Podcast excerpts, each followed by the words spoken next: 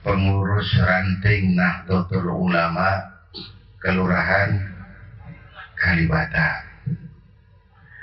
Saya bersyukur, bangga, dan terharu.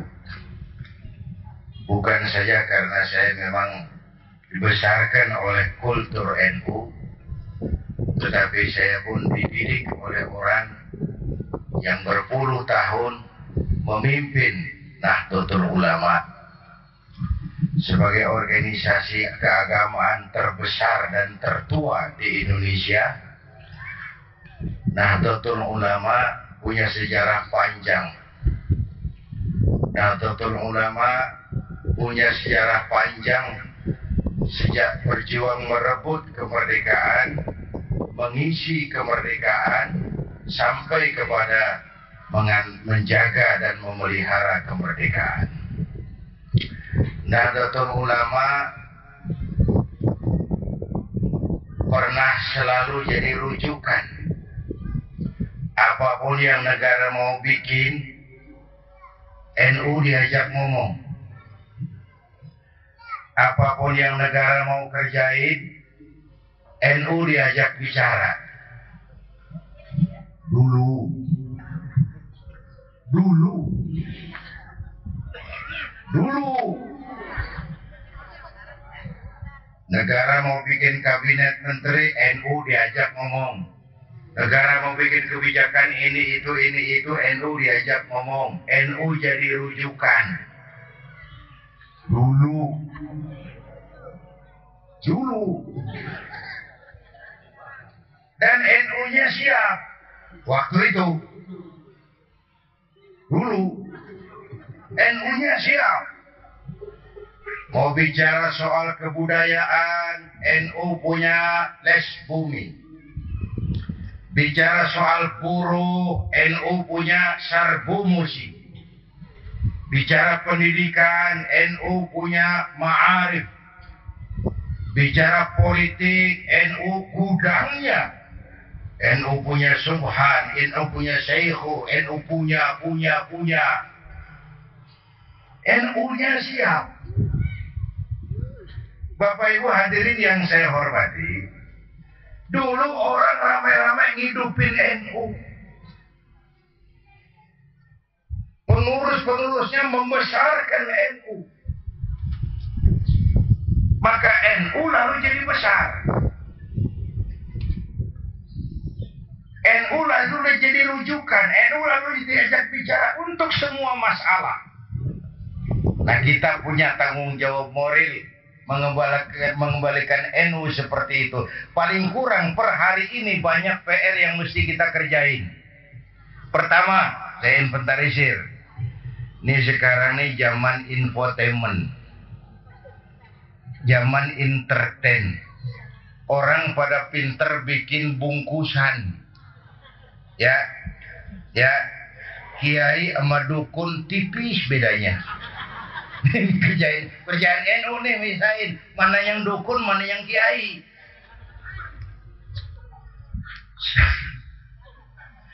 Ini sekarang bu. Bu. Bu. Banyak minyak babi cap onta ini saya kemukakan istilah guru saya di Pak Idam sekarang banyak minyak babi cap onta kita terpedaya, kita terpesona, kita terpukau lantaran mereknya cap onta, padahal isinya minyak.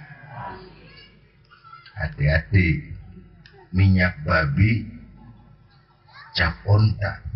Kalau minyak onta cap babi halal. Ini minyak babi cap onta. Saya kasih contoh mereknya negara Islam Indonesia. Bagus nggak mereknya?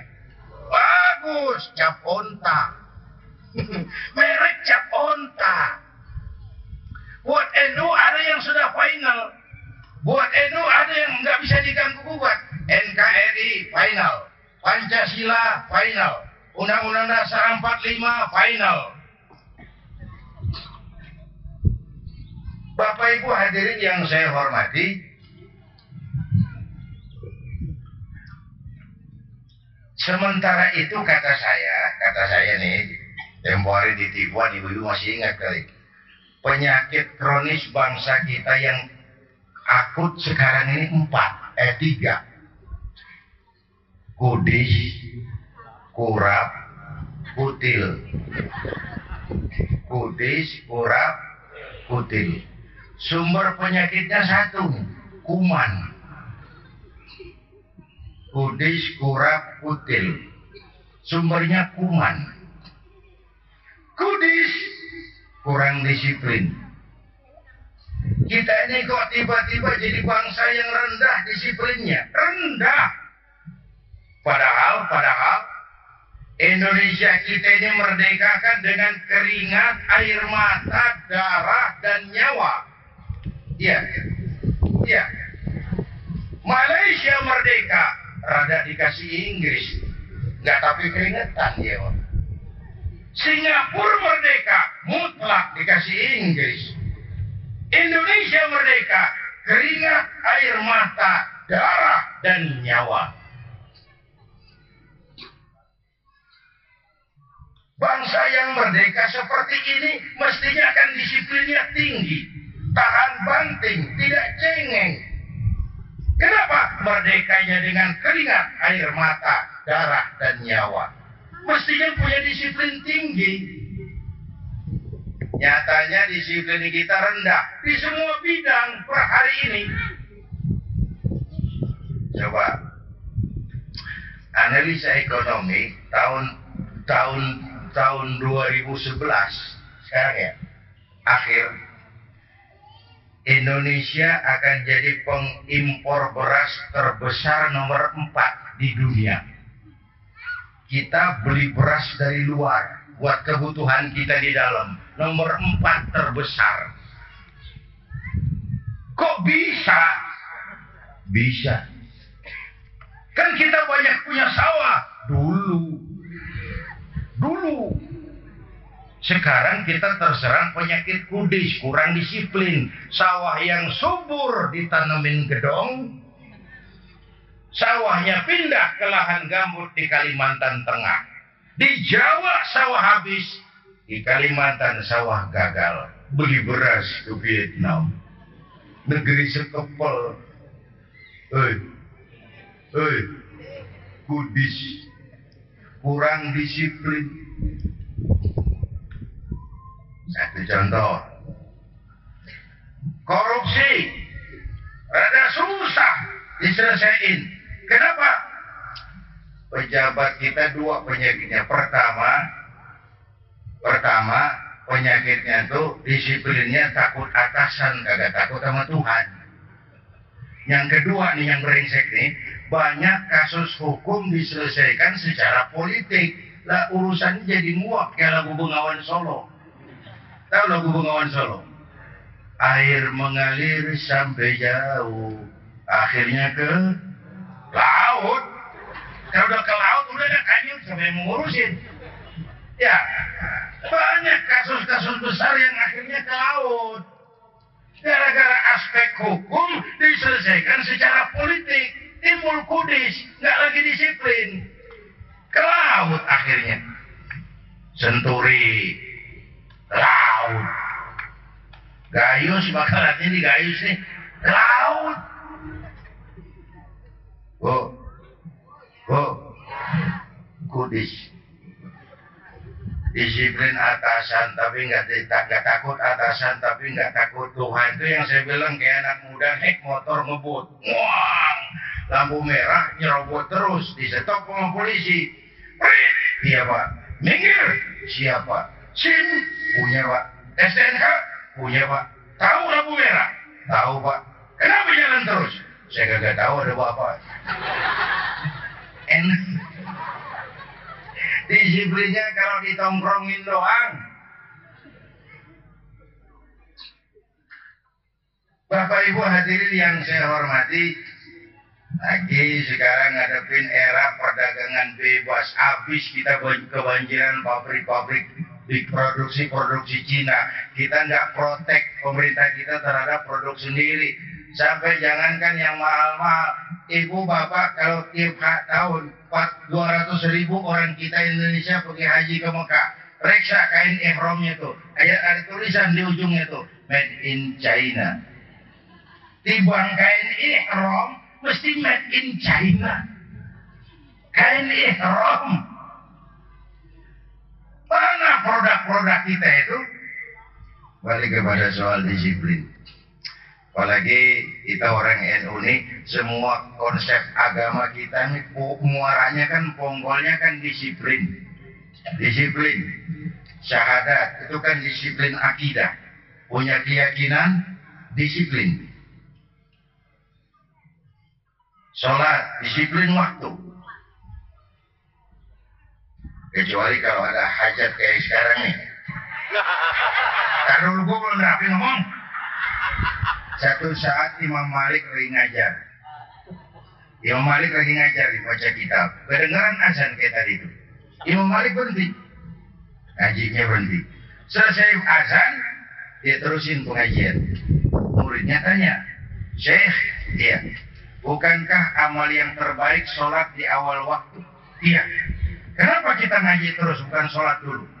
Kata Imam Malik, yang kita kerjain ini pun nggak kalah afdolnya dengan sholat di awal waktu. Ngaji kita terusin dulu, sholatnya agak takhir. So kalau sholat dulu berubah nih sok nih. Orang sebagian pada pulang, kacau urusan. Kata Imam Malik, gua malah dibikin pagar aja ini. Yang sampai disalahin orang gitu. Bo, bo, disiplin puasa Ramadan itu kan sebenarnya intinya tuh disiplin makan minum puasa Ramadan. Yang halal aja kalau belum waktunya nih jangan. Itu kan disiplin tuh Ramadan. Tempe halal, tapi kan habis maghrib. Tahu halal, habis maghrib. Biar halal kalau belum waktunya, jangan. Itu yang disiplin. Ramadan itu. Air kelapa halal, habis maghrib. Bini sendiri halal. Habis terawih habis maghrib nafsu amat sih. Kudis yang kedua penyakit kita itu kurang kurang rapi. Kurang rapi. Kita ini bangsa yang lemah manajemennya amburadul birokrasinya. Niatan kita mau reformasi birokrasi malah birokrasi makin bongkar sekarang. Hobi kita bikin tim sekarang. Ada masalah masuk bukan diselesaikan bikin tim. Muncul masalah bikin tim. Muncul masalah bikin tim. Kebanyakan tim sekarang. Mules perut kita ngelihatnya kita ini bangsa yang lemah manajemennya kita bisa bangun masjid menata masjid kalah sama gereja Benar. Gereja tetangga saya itu melawai Blok M. Uh, manajemennya saya lihat hari Rabu kebaktian remaja, Sabtu kebaktian kaum ibu, Minggu pelayanan umum, Senin ada lagi Selasa. Tiap hari ada kegiatan. Sementara masjid kita Jumat jam 10 buka, Jumat jam 2 tutup, buka lagi Jumat depan. Laba-laba yang pada berjamaah. Saya pernah ngobrol sama mau apa? Salah seorang suriah kita. Dulu saya bilang konsep lama itu kan Quran mengajarkan bagaimana kita memak masyarakat memakmurkan masjid. Bisa nggak sedikit polanya diubah bagaimana masjid bisa ikut memakmurkan masyarakat dengan kegiatan ekonomi. Gak usah ekonomi gede-gedean lah. Ekonomi yang applied, yang terpakai. Kalau masyarakat sekitarnya sudah makmur, praktis dia bakal makmurin masjid. Terus bagaimana masjid mau makmur aja masih susah, susah makan? Ada konsep terpadu antara memakmurkan masjid. Kita bisa bangun rumah sakit Islam. Bersaing kalah sama Omni kalah sama rumah sakit Kristen. Berapa banyak rumah sakit Islam akhirnya jadi rumah Islam sakit. Benar. Berapa banyak madrasah-madrasah kita nasibnya lah ya mutu wala ya ya tidak bermutu karena kurang biaya. Bahan enak-enakan aja dah. Lemah manajemen. Yang ketiga penyakit kita kutil. Ini yang lagi rame nih. Kurang teliti, cepat heran, gampang kagum. Indonesia ini kan pasar bagus nih. Saya heran di Indonesia ini apa aja laku. Coba lihat ya, asal ada nabi baru, ada aja yang ikut itu saya heran banget. Asal ada aliran aneh, ada aja yang masuk. Ini pasar bagus nih. Apa aja laku. Coba lihat, sama nabi palsu udah berapa kali kita dikibulin. Mulai dari Ahmad Musadik, masih ingat nggak? Lagi ada, Masya Allah. Pelatih badminton jadi nabi. Dapat wahyu di Bogor. Kan biasanya di Bogor orang dapat alas. Dapat wahyu yang bukan aja. Tapi ada aja yang ikut itu. Cakep-cakep, jaket kulit, pakai dasi, dilantik, dibaiat. Ditangkap 4 tahun dihukum. Habis itu rancai kek Bandung, namanya Sayuti. Kang Cukur, aku dapat wahyu jadi nabi lagi. Dua tahun dihukum. Habis itu Ustadz Roy, Malang, Jawa Timur. Bukan Ustadz sebenarnya dia, petinju masuk Islam. Ngutak-ngutik Quran kagak pakai guru. Dia bilang semua yang boleh pakai bahasa masing-masing. Yang penting Tuhan ngerti. Rame masjid. Tangkap dua tahun di penjara. Habis gitu yang sebulan lalu bebas tuh, Lia Edan. Lia Edan ngaku Jibril ditangkap sama Nabi. Eh ditangkap ngaku Jibril ditangkap sama polisi. Ya gue pengen ngetes doang lu dengerin gak gak? Itu ngomong mulu sih lu. Lia Edan ngaku Jibril ditangkap sama polisi dihukum dua tahun ya ya polisi kita emang hebat bukan cuma teroris Jibril ditangkap di mana ada polisi berani nangkap Jibril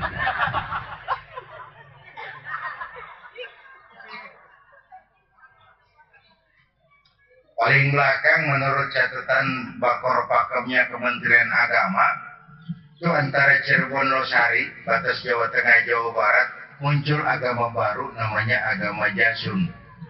Agama Jawa Sunda. Jasun. Yang jadi nabi Tugimin. Tugimin jadi.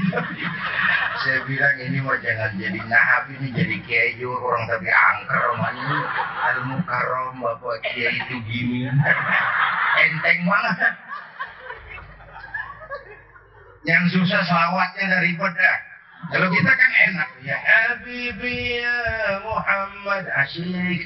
Coba ganti yang barusan. Kagak enak. Ya Habibi ya Tugimin. Kagak enak-enaknya udah. Nah ini masyarakat kita emang lagi kutil, Pak. Kurang teliti, cepat heran, gampang kagum. Orang pandai bikin entertain, pada pinter bikin bungkusan. Tadi saya bilang, kiai sama dukun tipis bedanya. Pemburu hantu pada pakai sorban. Ntar kiai gue suruh pakai helm, biarin. Atribut aja udah kacau. Atribut aja udah kacau sekarang. Orang pada jago entertain, pada pinter bikin bungkusan. Maka terjadi pembiasan nilai-nilai dakwah. Bapak Ibu hadirin yang saya hormati, dalam konteks situasi itulah maka Nahdlatul Ulama harus ditampil jadi filter buat umat. Jadi filter. NU memang tidak pada posisi membubarkan Ahmadiyah. Tapi NU sangat bisa mendorong pemerintah untuk membubarkan Ahmadiyah. Jelas itu? Jelas? Soal bubarkan Muhammadiyah, Ahmadiyah memang bukan porsinya NU. Tapi NU sangat penting mendorong pemerintah membubarkan Ahmadiyah. kita berkeyakinan itu bukan soal kebebasan, itu penodaan terhadap agama. Kalau kebebasan sih kita nggak usah diajarin deh. Kita nggak ngamuk orang Kristen bilang Tuhan tiga. Tuhan anak, Tuhan Bapak, Rohul Kudus, silahkan. Itu babnya lakum dinukum. Itulah kebebasan. Kita nggak ngomel orang Buddha bilang Tuhan dua. Tuhan besar Mahayana, Tuhan kecil Hinayana. Silahkan. Mau Tuhan besar, Tuhan tanggung. Silahkan. Lakum dinukum. Tapi lain soalnya kalau ada orang ngaku Islam, lalu percaya ada Nabi sesudah Nabi Muhammad, itu penodaan. Nggak ada kebebasan nginjak kaki orang. Nah saya juga bisa ngomong, saya kan beli radio, saya setel di rumah saya sekenceng-kencengnya. Terus saya ngomong, radio, radio gua. Yang beli gua. Pakai duit, duit gua. Gua setel di kamar gua, sekenceng-kencengnya. Nggak ada urusan sama orang lain, kata saya. Tetangga saya kan boleh juga dong ngomong begitu. Kata tetangga saya, mata-mata gua. Yang ngantuk gua. Gua tidur di kamar gua. Kenapa suara radio lu nyampe kemari? Mana ada kebebasan tapi nginjak kaki orang? Nggak mungkin. Di sini NU harus tampil jadi filter. Menjaga akidah umat.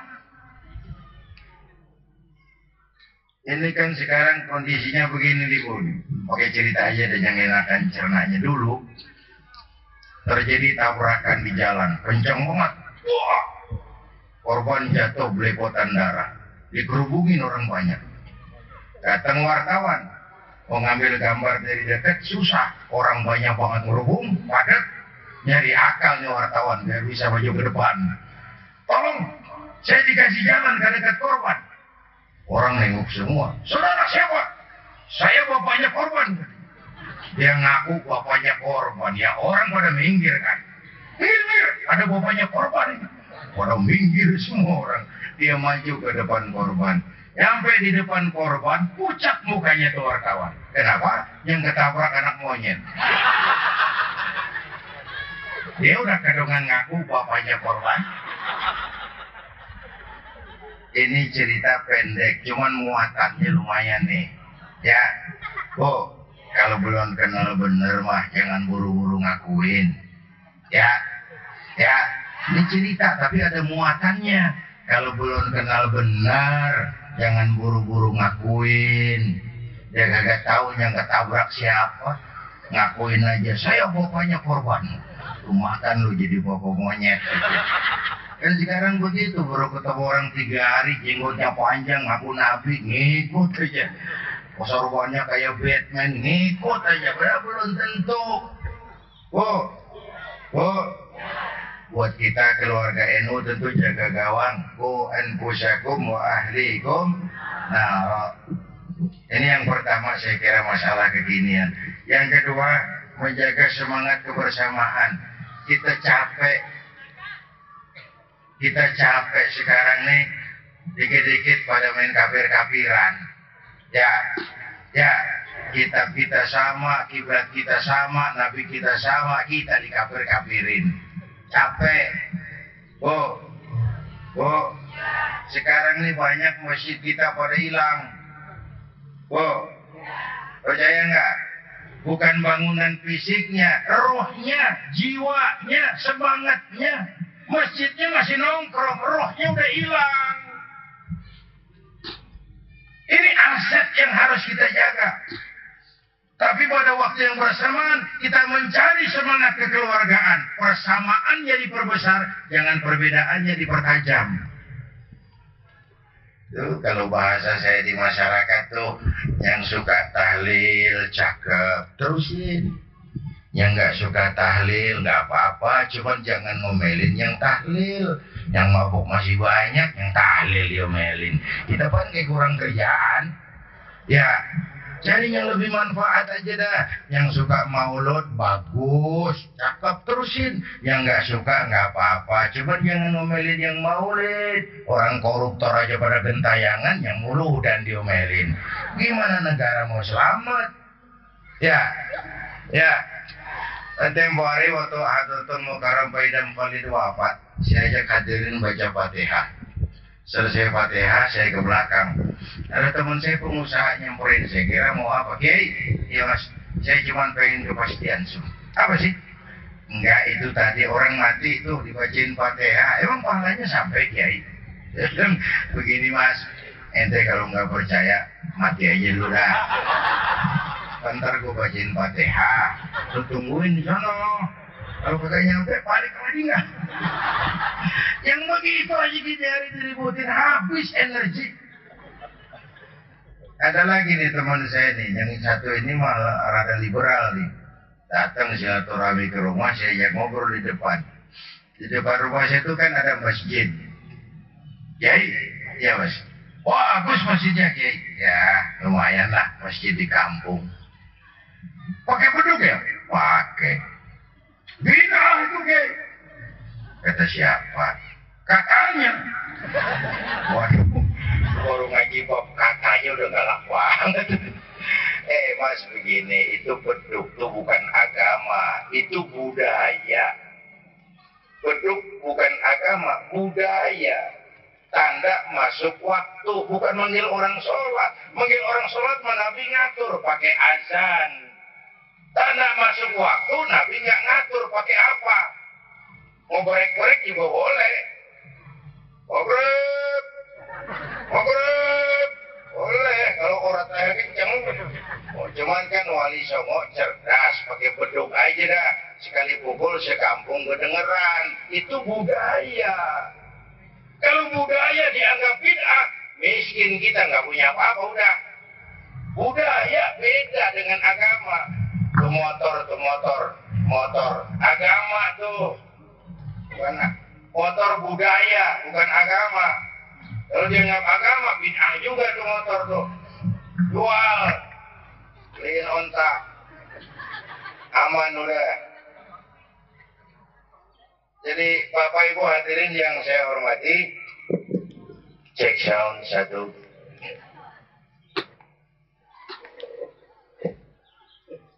Cek satu dua.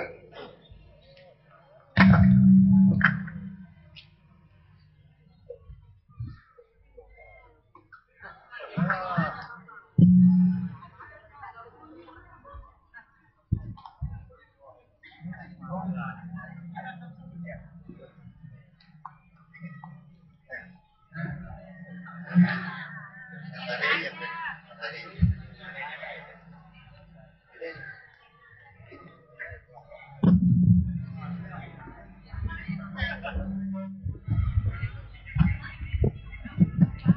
Cek satu.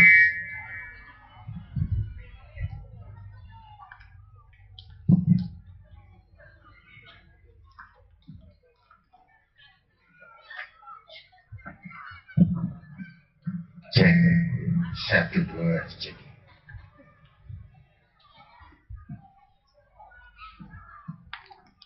Cek satu. Cek satu dua Ekonya dikurangin aja mas, agak menggemain. Cek satu, cek satu dua, ekonya habis aja. Cek satu dua, cek sound satu dua, cek satu, cek satu dua. Bapak Ibu hadirin yang saya hormati, saya ngomong apa baru santri? Hah? Motor. Ayo tugas kita cari persamaan, jangan memperbesar perbedaan. Menjalin ukhuwah watoniyah setelah ukhuwah Islamiyah itu. Membangun semangat kebersamaan. Kalau ngambil filsafat perjuangan Nabi, ayo kita lihat. Nabi itu awal-awal perjuangan dibantu lima tokoh utama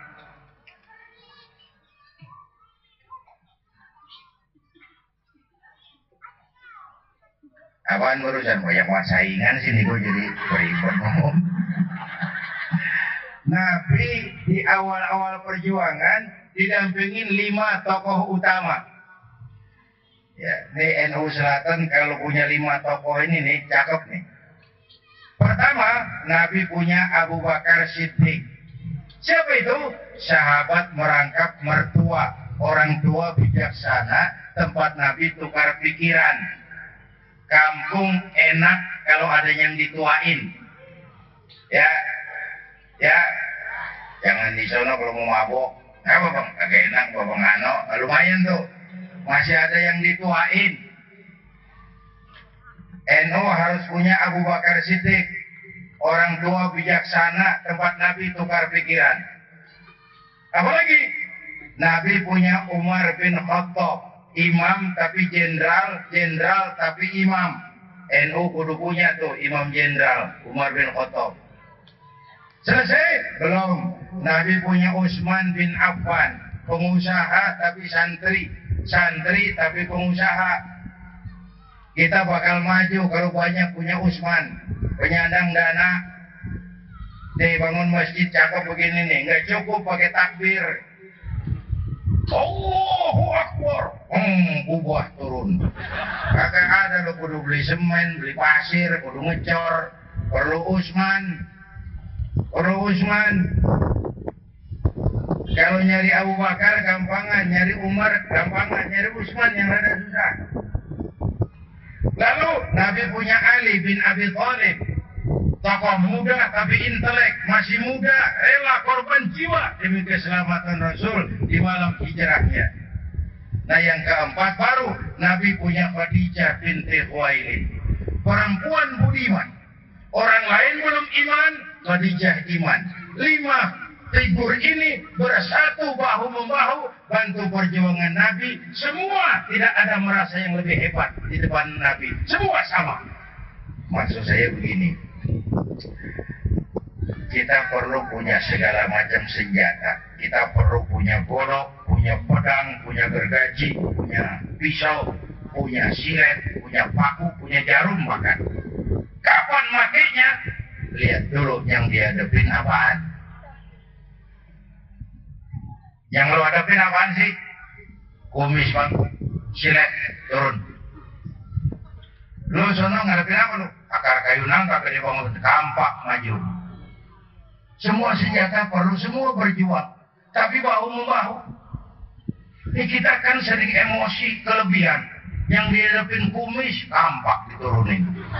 Bibir bongkar urusan kagak rapi. Anak-anak muda itu berani perlu, nekat jangan. Berkorban harus, konyol ntar dulu.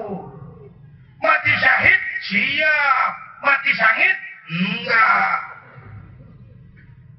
Semua berjuang, semua harus saling melengkapi. Kiai-kiai yang tegas di mimbar berani kita perlu. Kiai-kiai yang empuk, asik, adem, membuka bab wudhu, bab sholat, bab toharo, kita perlu semua saling melengkapi. Jangan yang mentang-mentang berani di mimbar maki kiai yang ngajar fikih ngeleknya. Lo kiai gini hari ngasih ngajar fikih bab air mulu jadi gerame lo. Enggak begitu, kita semua perlu saling melengkapi. Jangan yang satu merasa lebih berjasa dari yang lain. Semua berjuang, cuma strateginya beda, yang dihadapin beda. Bapak Ibu hadirin yang saya hormati, nggak bisa berani sama nekat tipis bedanya tuh. Berkorban sama konyol juga tipis bedanya. Kita harus hati-hati.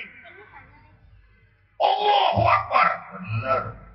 Yang besar cuma Allah. Memang. Yang lain kecil semua. Pasti. Cuman kalau kubu gila lagi ngamuk, minggir dulu ntaran. Kubu gila ngamuk teriak. Allahu Akbar. Kubu kecil. Jangan minggir kalau gak remak loh. Remak. Jadi saya pikir kiai-kiai kita tuh harus saling melengkapi sehingga perjuangan enak hasilnya semua semuanya berjuang semua berjasa semua cinta Islam jangan yang satu merasa lebih hebat dari yang lain Bapak Ibu hadirin yang saya hormati inilah pentingnya membangun kebersamaan seperti yang telah ditunjukkan oleh warga NU selama ini membangun semangat kebersamaan Walaupun tidak harus selalu bersama-sama, perlunya membangun semangat kebersamaan. Saya kira dengan jiwa semacam itu, saya dulu zaman ngaji sama Pak Idam, waktu itu kan, nih Pak, apa? Pak Hasin tahu, waktu terima P, waktu terima asas tunggal Pak. Waduh, saya ikut protes Pak Pak Idam. Kenapa sih Nudin? Apa yang masih kita bisa punya Pak? Nama nggak boleh nama pakai nama partai Islam. Boleh dah kita pakai nama P3. Asal asasnya Islam. Sekarang asasnya digulung lagi Pak. Nggak boleh pakai asas Islam. Harus asas tunggal Pancasila. Nah, kita ke Bapak terima lagi. Kita udah kagak punya apa-apa nih Bang. Pak. Saya Idam ketawa. Terus saya remaja lagi semangat semangatnya. Kata Pak Idam, Zainuddin, gimana Pak? Kita nggak boleh dagang nasi goreng. Biarin kita dagang nasi uduk dulu dah. Yang penting warung punya. Sebab kalau mau dagang nasi goreng juga warung digusur. Biarin dagang nasi uduk dulu yang penting masih punya warung. Jadi kalau maju kena, mundur kena, itu pak. Sekarang ini sulit, maju kena, mundur kena, miring, miring. Bapak Ibu hadirin yang saya hormat, itu sebabnya Nahdlatul Ulama itu eksis dari zaman awal sampai akhir insya Allah. Ya itu tetap eksis di tengah masyarakat. Jadi kalau mau pakai bahasa gampang, NU itu ibarat orang tukang joget ngerti irama kendang. Ya, ya, ibarat tukang joget, tukang joget yang mana aja kudu ngerti irama kendang. Nah kalau kendang kenceng jogetnya pelan kira nyambung. Tukang joget yang bagus ngerti irama kendang. Jangan tersenyum kepada orang buta, jangan berbisik kepada orang tuli. Kagak nyambung. Orang buta diajak senyum. Bagus maksudnya, cuman kan rada mubazir. Nggak nyambung maksudnya gitu, nggak nyambung. Karena itu saya tidak berpanjang-panjang. Selamat kepada pengurus ranting yang dilantik hari ini. Selamat berjuang untuk Nahdlatul Ulama menjadi pemersatu umat dan bangsa, menjadi filter bagi umat kita. Semoga Allah memberikan pertolongannya kepada kita semua. Lebih kurang mohon maaf. Wassalamualaikum warahmatullahi wabarakatuh.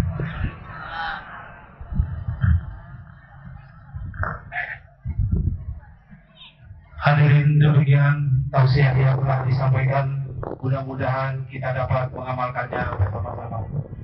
Acara kita tutup dengan pembacaan doa yang akan dipimpin oleh Rois Surya Majlis Wakil Cabang Nahdlatul Ulama Kecamatan Pancoran Al Mukarram Al Ustaz Dr. Rada Saji Abdul Halim. Kami persilakan.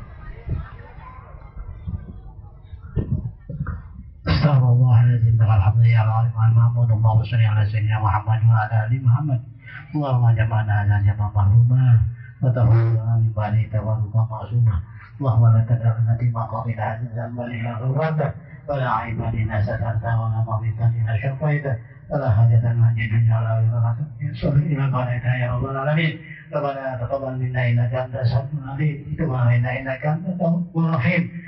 ربنا آتنا في الدنيا حسنة وفي الآخرة حسنة. والنار وصلى الله وسلم يا رب يحشر يحشر الله العالمين